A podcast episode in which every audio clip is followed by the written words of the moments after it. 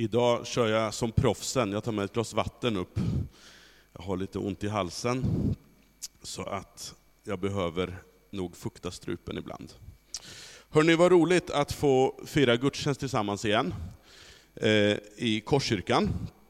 Och vi befinner oss ju i en serie i Korskyrkan sedan januari, som vi kallar för Inom räckhåll. En av, min, en av mina laster i livet, det är tv-serier. Jag älskar att titta på, på, följa olika serier och så här. Eh, och då är det så här, de bästa serierna, det är de här som har fristående avsnitt.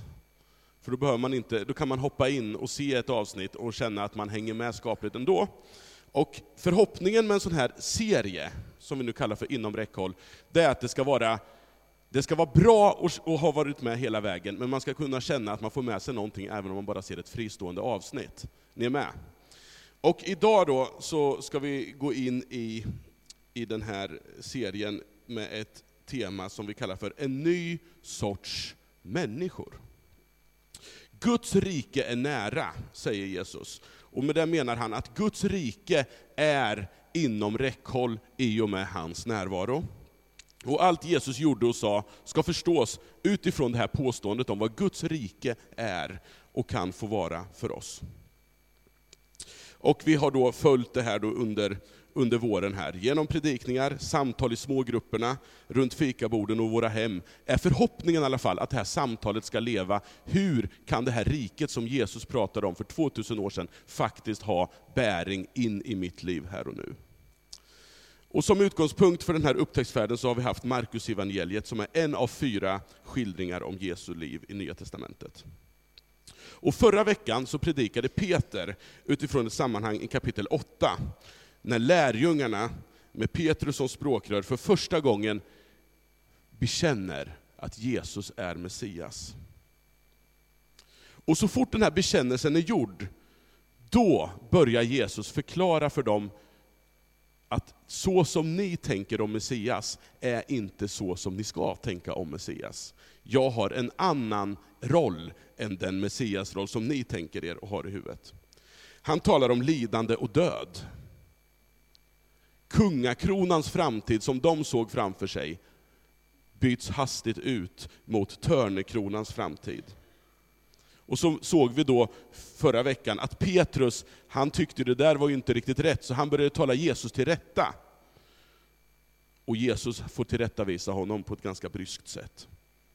Guds rike tar sig uttryck på ett annat sätt, följer en annan logik och har en helt annan typ av ledare i Jesus. Och därför är också folket som tillhör det här riket en ny sorts människor därför att man strävar efter helt andra ideal än de som man vanligtvis strävar efter i vår värld.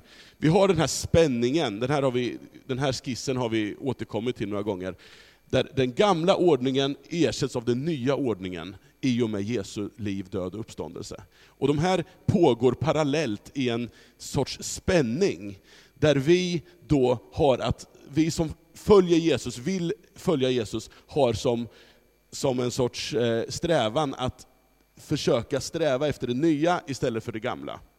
Vi lever i en spänning. Och den här gamla ordningen handlar om uppåtsträvande ideal. Människan strävar uppåt, vi vill uppåt, vi vill ha mer makt, mer pengar, mer status. Medan i den nya ordningen så ska vi ha ett nedåtgående ideal. Och det här ska jag titta lite grann på idag. Från uppåtsträvande till nedåtgående, vad kan det innebära? Och vi ska börja med att läsa texten som ligger till grund för, för dagens predikan. Och vi gör så att vi står upp när vi lyssnar till evangeliets ord.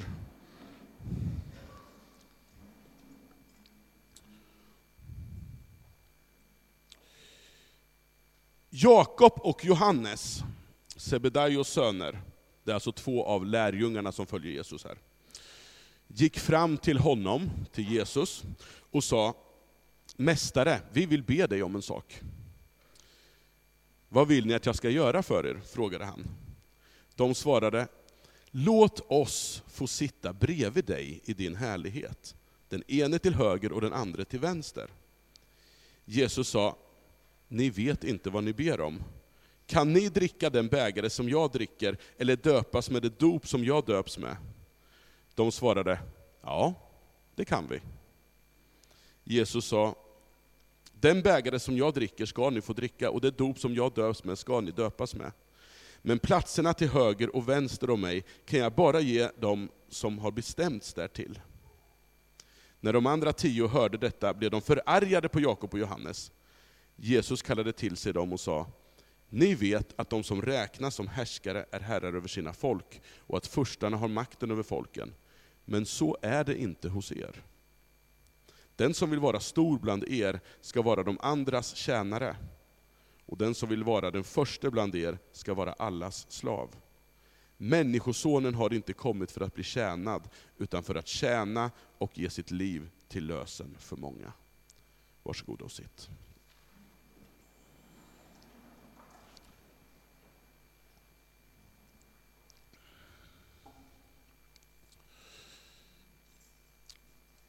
Människan, sådana som vi, har i alla tider varit intresserade av att bygga sitt eget varumärke. Och kanske är vårt samhälle mer än någonsin präglat av det här varumärkesbyggandet med den oerhört utbredda individualismen, där livet reduceras till att bli en jakt på social status genom att vara rätt, umgås rätt, äta rätt, klä sig rätt och så vidare. Livet handlar om att klättra uppåt och ha en position i väldigt stor utsträckning. Sociala medier är ju ett uttryck för det här, används som en sorts termometer på det här genom antalet vänner, hur många som trycker på gilla på mina statusar som jag så frekvent håller på och lägger ut. Förr i tiden så var dagboken försedd med ett lås. Nu är den försedd med ett räkneverk.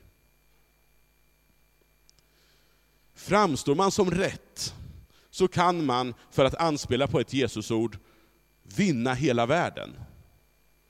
Men frågan är, vad händer med våra själar i den här narcissistiska jakten på status och bekräftelse som vi väldigt lätt hänfaller åt? Och jag tror att våran tid, som vi lever i, är så möblerad att den här djupt allmänmänskliga tendensen att vilja framstå som en god människa inför andra, alltså den här statusjakten, den där tendensen får fria tyglar som aldrig förr. Och hur hanterar vi det som kristna? Trots att Jesus, enligt Markus, vid, flera, vid tre tillfällen, det senaste precis innan det här, Eh, här, den här berättelsen som vi precis har läst, så har han talat om att lidande och död väntar. Men trots det så verkar Jakob och Johannes helt inne i en sorts klättrande rörelse och tänker att vi måste bygga vårt varumärke. De fokuserar helt på sig själva och sin egen position. Och De verkar så marinerade i rådande förväntningar och ideal, att de inte verkar ha hört vad Jesus har sagt om vad Messiasuppdraget innebär. Istället så börjar de spekulera i ministerposter. Det är ju vanligt så här när det är valår och så, att man spekulerar i ministerposter.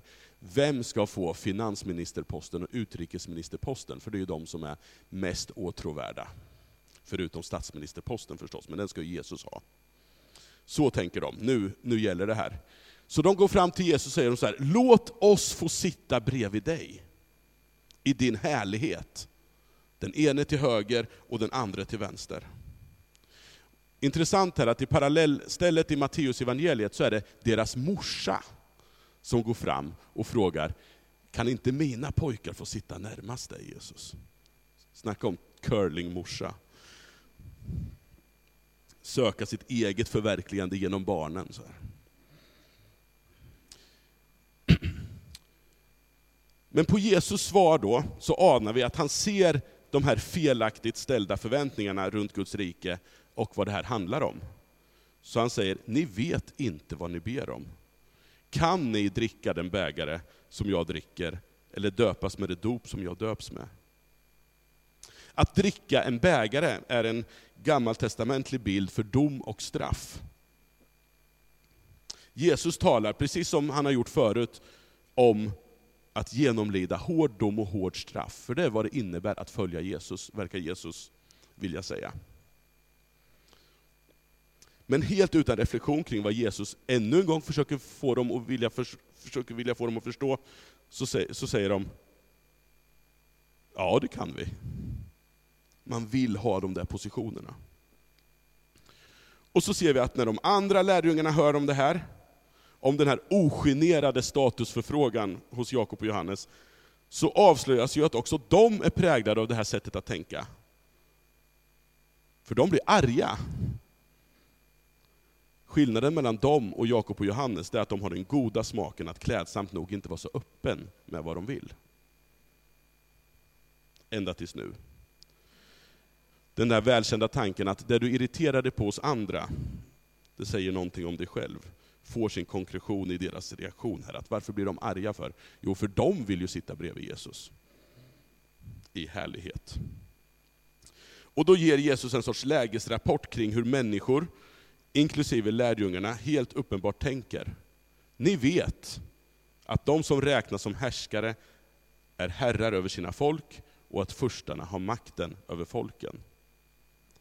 Så här är det, menar Jesus, i världen. I de gamla ordningarna så är det så det funkar. Det är det som är eftersträvansvärt, att vara på topp.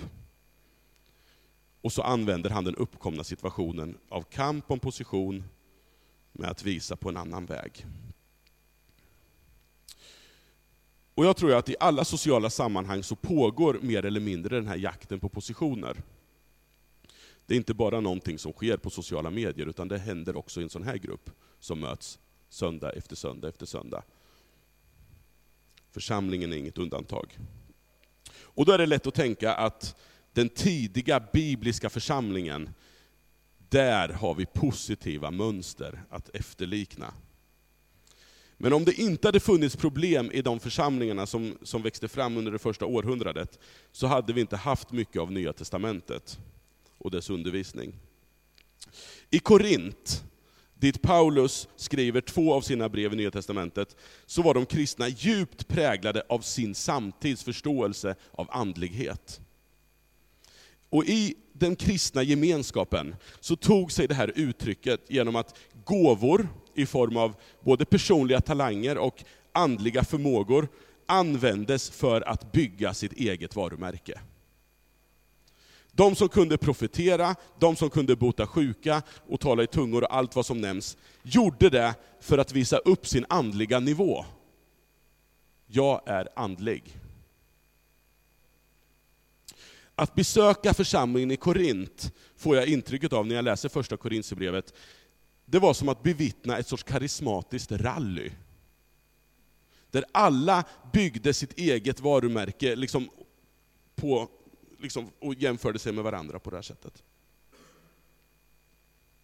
Och konsekvensen av det här, det blev en uppdelad församling, där människor delade upp sig efter vilken status man hade materiellt, socialt och andligt. Och beroende på vad som ger status så kan ju den där klättrande tendensen ta sig olika uttryck. Men det som kännetecknar den är ju en självcentrering, och därmed brist på kärlek. Och få av oss, tror jag, om ens någon, är fri från samma drivkraft efter egen status och position som kännetecknade både lärjungarna i den här texten och den där församlingen i Korint. Och frågor som jag tror kan vara viktiga att ställa för att få syn på det här, det är ju inför handlingar som man utför, varför gör jag det här? Hur byggs andra upp av det jag gör? Stämmer det jag gör nu när alla ser överens med hur jag skulle ha agerat om ingen såg?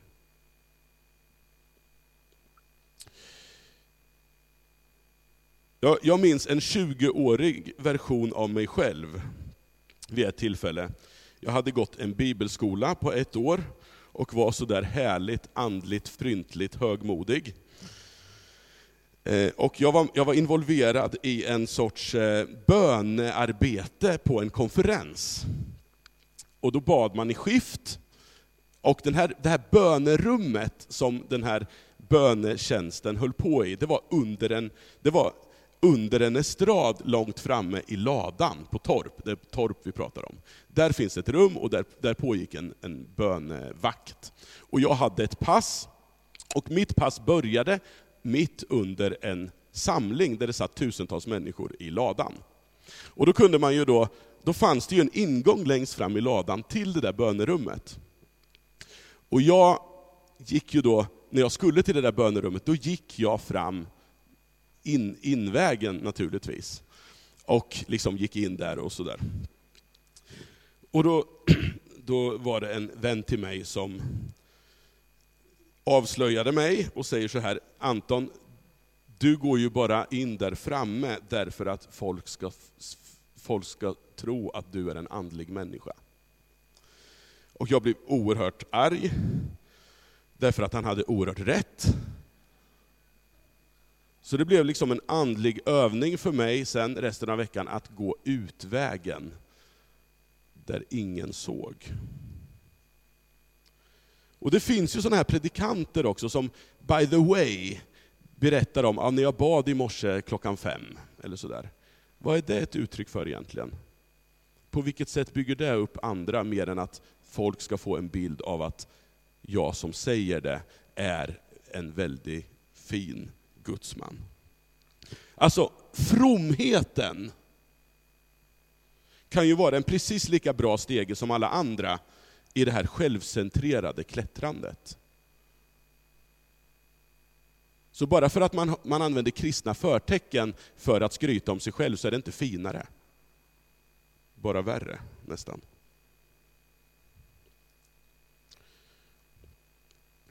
Men så är det inte hos er, säger Jesus. Jesus använder som så ofta på ett pedagogiskt sätt det som sker i gemenskapen. Bland de tolv. Så använder han det i sin pedagogik för att lära dem någonting nytt. Och här har det hänt någonting. Det är en konflikt kring vem som ska få vara närmast Jesus. Och då säger han så här, då beskriver han ju hur härskarna är herrar över sina folk och så här. Och så säger han så här, men så är det inte hos er. Även fast de just har visat att det är precis likadant hos dem. Och det är precis likadant hos oss här.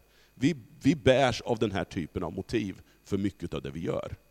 Låt oss inte förneka det, så, så funkar vi.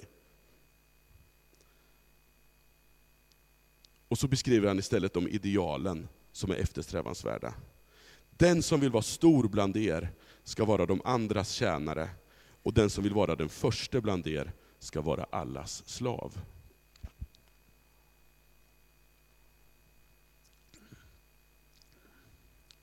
Den nya sortens människor i den gemenskap Jesus formar drivs inte längre av den här uppåtklättrande jakten på bekräftelse, utan av en kärlek som böjer sig neråt i tjänst för andra. Därför att de människorna som är runt Jesus är redan älskade av Gud. De behöver ingen annan bekräftelse. Andlighet och status verkar i Guds rike främst inte handla om spektakulära och karismatiska sensationer, även om det också finns där och är en del av det Jesus gör. Men det verkar först och främst handla om kärlek och tjänande. Till församlingen i Korint, om vi återvänder till den, som var så inne i det här andliga rallyt, så riktar Paulus orden om hur församlingens gåvor och förmågor ska förstås. Det ska inte förstås inom ramen för ett individualistiskt klättrande till självförverkligande, utan till att brukas för andras skull. De kristna hänger ihop och är delar av en kropp.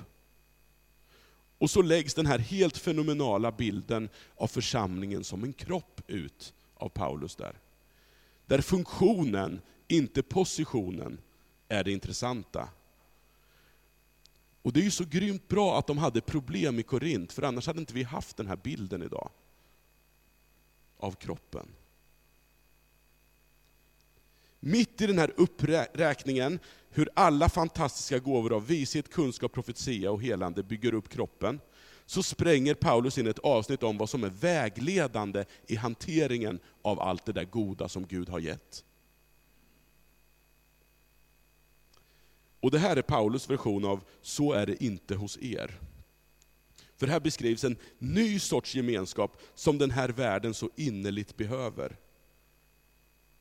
Andlighet hanterat på ett, på, av den gamla sortens människosnitt, där vi liksom vill klättra uppåt, det är fullständigt värdelöst, verkar Paulus mena. Det måste hanteras på ett annat sätt.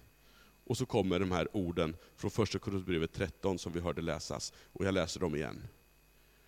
Om jag talar både människors och änglars språk, Alltså förmodligen så beskriver han ju vad, vad som hände i Korint och vad en del hävdade sig kunna göra. I sin liksom statussökande. Va? Och sen, men saknar kärlek. Så är jag bara en ekande brons, en skrällande symbol. Och om jag har profetisk gåva, känner alla hemligheterna och har hela kunskapen. Det här var väldigt viktigt i den grekiska visheten, alltså gnosis kunskap. Om jag har all tro så att jag kan förflytta berg, men saknar kärlek, är jag ingenting. Om jag delar ut allt jag äger och låter bränna mig på bål, men saknar kärlek, har jag ingenting vunnit. Och så beskriver han kärleken, hur det ska fungera. Och Det här är ju så här ord som åh vad fint det är när två står framme vid altaret som älskar varandra och sådär. Man får sådana vibbar av de här orden för att vi, de är så förstörda av alla bröllop man har gått på. Därför att det här handlar om hur vi som gemenskap kan vara tillsammans trots att vi är så olika och trots att vi ibland kan känna att vi inte gillar varandra. Kärleken är tålmodig och god. Kärleken är inte stridslysten, inte skrytsam, inte uppblåst. Den är inte utmanande, inte självisk, den brusar inte upp. Den vill ingen något ont. Den finner inte glädje i orätten, men gläds med sanningen. Allt bär den, allt tror den, allt hoppas den, allt uthärdar den. Och då tänker jag så här, hur ofta är det vägledande för oss.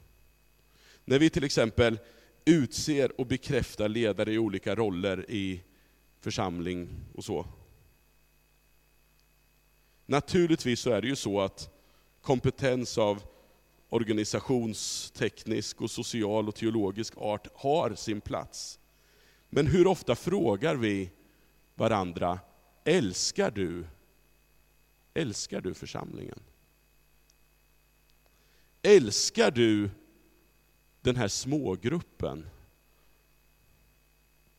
som du är ledare för? Älskar du de människor du fixar fika till? Älskar du barnen som du är med och leder? Älskar du ungdomarna? Och som regelbunden predikant så behöver jag ställa mig frågan, älskar jag dem som jag predikar för?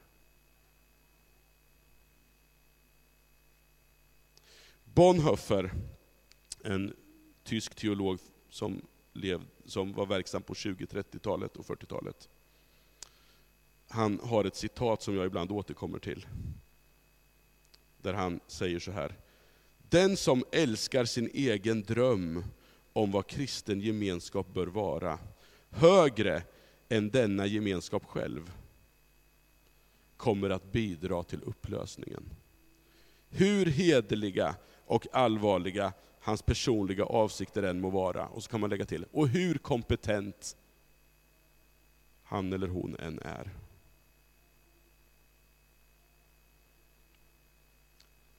Kärleken. Och som mönster för den här nya sortens människor så lyfter Jesus naturligtvis fram sig själv. Han avslutar med orden, Människosonen har inte kommit för att bli tjänad, utan för att tjäna och ge sitt liv till lösen för många. Jakob och Johannes de såg en viss härlighet. Och därför så var de sugna på den och ville sitta bredvid Jesus. Men den där härligheten, den tar sig inte uttryck på något annat sätt än att Jesus hängs upp på ett kors. Den här formuleringen som, som, som Jakob och Johannes använder, den ene till höger och den andra till vänster, den återkommer senare i Markus skildring ordagrant. Den där positionen de ber om bredvid Jesus. Och vilka är det då som placeras bredvid Jesus? Den ene till höger och den andra till vänster. Jo, två rövare. I den bild där Jesus som korsfäst uppenbarar hur djupt Guds kärlek når. Så när Guds rikes härlighet, till skillnad från den härlighet som jordiska riken vill visa med guld, och ära och prakt, när Guds rikes härlighet blir synlig, så sker det genom att Gud själv går ner i det djupaste djup, det mörkaste mörker, den dödaste död, och delar öde med de värsta av de värsta. Och därför kan ingenting längre skilja oss från Guds kärlek. Och därför kan vi som tror på det här, vilka annars? Också börjar röra oss neråt.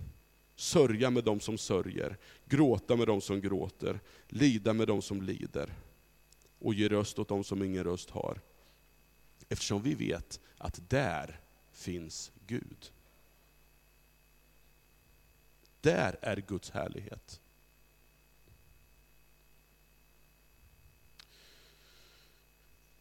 En ny sorts människor kan vi få röra oss emot att vara. Jesus bjuder in oss, följ mig, säger han.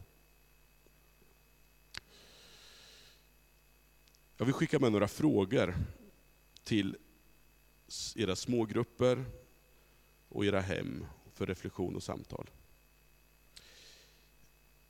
De finns även till viss del i det här lilla häftet som vi kallar för Inom räckhåll, som, som många av er säkert har. Är de ideal Jesus skissar på märkbara bland kristna i vår tid? Hur tar sig dessa ideal uttryck i ditt eget liv?